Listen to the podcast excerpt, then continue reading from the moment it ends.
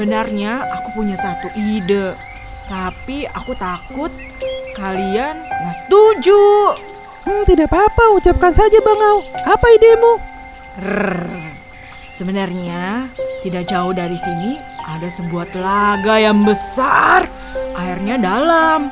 Aku percaya telaga tersebut tidak akan kering walau kemarau seribu tahun.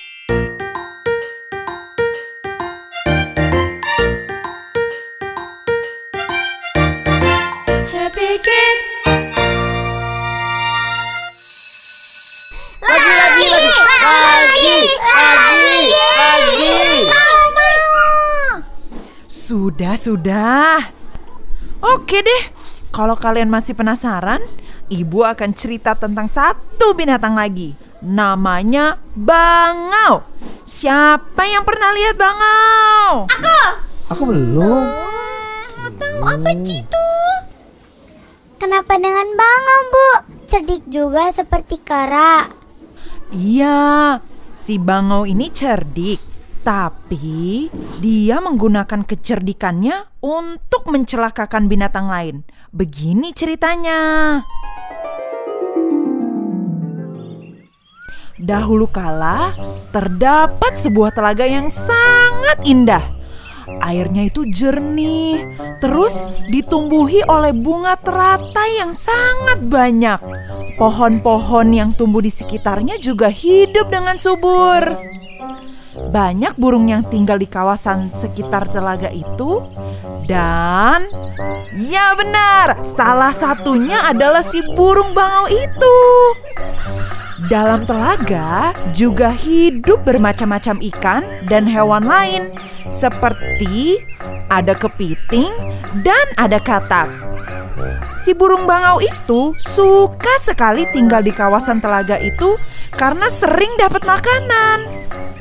Hari demi hari, burung bangau itu semakin tua dan tidak lagi sekuat dulu untuk menangkap ikan. Ada kalanya si bangau itu terpaksa berpuasa seharian. Kenapa? Ya karena tidak memperoleh satu tangkapan pun. Ia kemudian berpikir di dalam hatinya. Kalau begini keadaannya, aku bisa mati kelaparan karena tidak bisa lagi menangkap ikan. Hmm, aku mesti cari jalan nih. Bagaimana aku bisa memperoleh makanan dengan mudah? Setelah berpikir keras, ting dong, si bangau kemudian mendapat akal. Ternyata dia berpura-pura duduk termenung dan bersedih di tepi telaga. Seekor katak yang kebetulan berada di situ kemudian melihat, kenapa ya si bangau sangat murung dan sedih. Ia kemudian bertanya, Hai Bangau, kenapa aku lihat akhir-akhir ini kamu suka termenung di tepi danau? Aku sedang memikirkan keadaan nasib kita. Apa yang membuatmu pusing? Sedangkan kita hidup di sini sudah sekian lama dan tidak menghadapi banyak masalah. Aku sering terbang ke sana kemari dan mendengar manusia sedang berbincang tentang bencana kemarau yang akan menimpa kawasan ini. Kamu lihat saja nih, akhir-akhir ini panas banget kan? Hujan pun udah lama nggak pernah turun. Sebenarnya aku khawatir loh, telaga ini akan kering. Semua penghuni di telaga ini bakal mati. Katak mengangguk-anggukkan kepalanya tanda setuju. Tanpa membuang waktu, ia kemudian melompat ke dalam telaga untuk mengabarkan berita itu kepada kawan-kawan yang lain. Berita tentang kemarau ini telah tersebar ke seluruh telaga. Dan semua penghuni telaga itu langsung cepat-cepat berkumpul di tepi sungai di mana si bangau itu berada. Masing-masing dari mereka riuh rendah menanyakan kepada bangau tentang kebenaran berita tersebut. Hmm, apa yang harus kita lakukan nih Bangau? Hmm, pertanyaan yang bagus ikan. Sebenarnya aku punya satu ide, tapi aku takut kalian nggak setuju. Hmm, tidak apa-apa, ucapkan saja Bangau. Apa idemu? Rrrr. Sebenarnya tidak jauh dari sini ada sebuah telaga yang besar, airnya dalam. Aku percaya telaga tersebut tidak akan kering walau kemarau seribu tahun. Kepiting, sebenarnya aku bisa bawa kalian, tapi satu demi satu karena aku udah tua, nggak bisa membawa sekaligus banyak.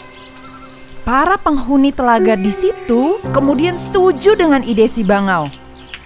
Si Bangau pun mulai mengangkut seekor demi seekor hewan dari telaga tersebut. Tapi bukannya dipindahkan ke telaga lain, hewan-hewan tersebut justru dimakan sama si Bangau.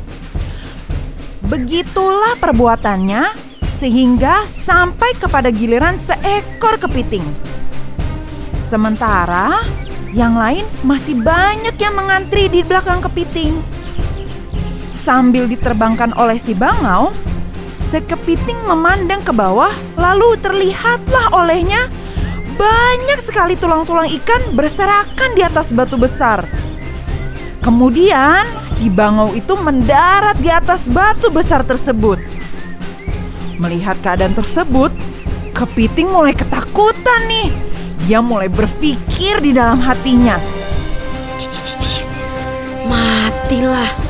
Aku kali ini pasti dimakan oleh bangau. Si kepiting kemudian mencari akal dan dia berkata, Bangau, di manakah telaga yang engkau katakan itu? Dan kenapa engkau malah membawa aku ke sini?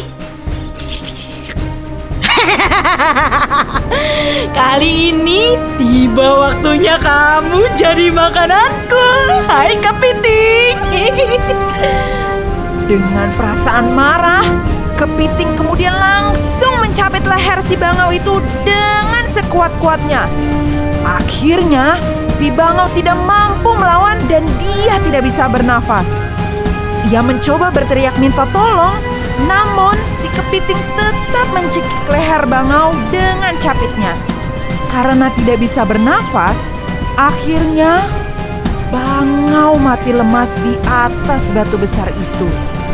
Nah, dengan perasaan sangat gembira karena selamat, si kepiting kemudian berjalan kembali ke telaga. Sampai di telaga, si kepiting pun menceritakan kisah yang telah dialaminya. Semua penghuni telaga yang mendengar cerita itu, kemudian mereka bergembira dan bersyukur. Mereka semua selamat dan tidak menjadi makanan burung bangau yang tamak dan mementingkan diri sendiri. Mereka mengucapkan terima kasih yang sebanyak-banyaknya karena si kepiting telah menyelamatkan mereka semua. Wah, bener ya bu. Ih, aku jadi gak suka sama bangau. Tapi ini cuma cerita aja ya Karen. Cerita ini mengajarkan kita untuk tidak menggunakan kecerdasan kita untuk memuaskan kemauan kita sendiri. Karena Akhirnya malah kita yang celaka ya bu. benar sekali, pinter kamu Karen.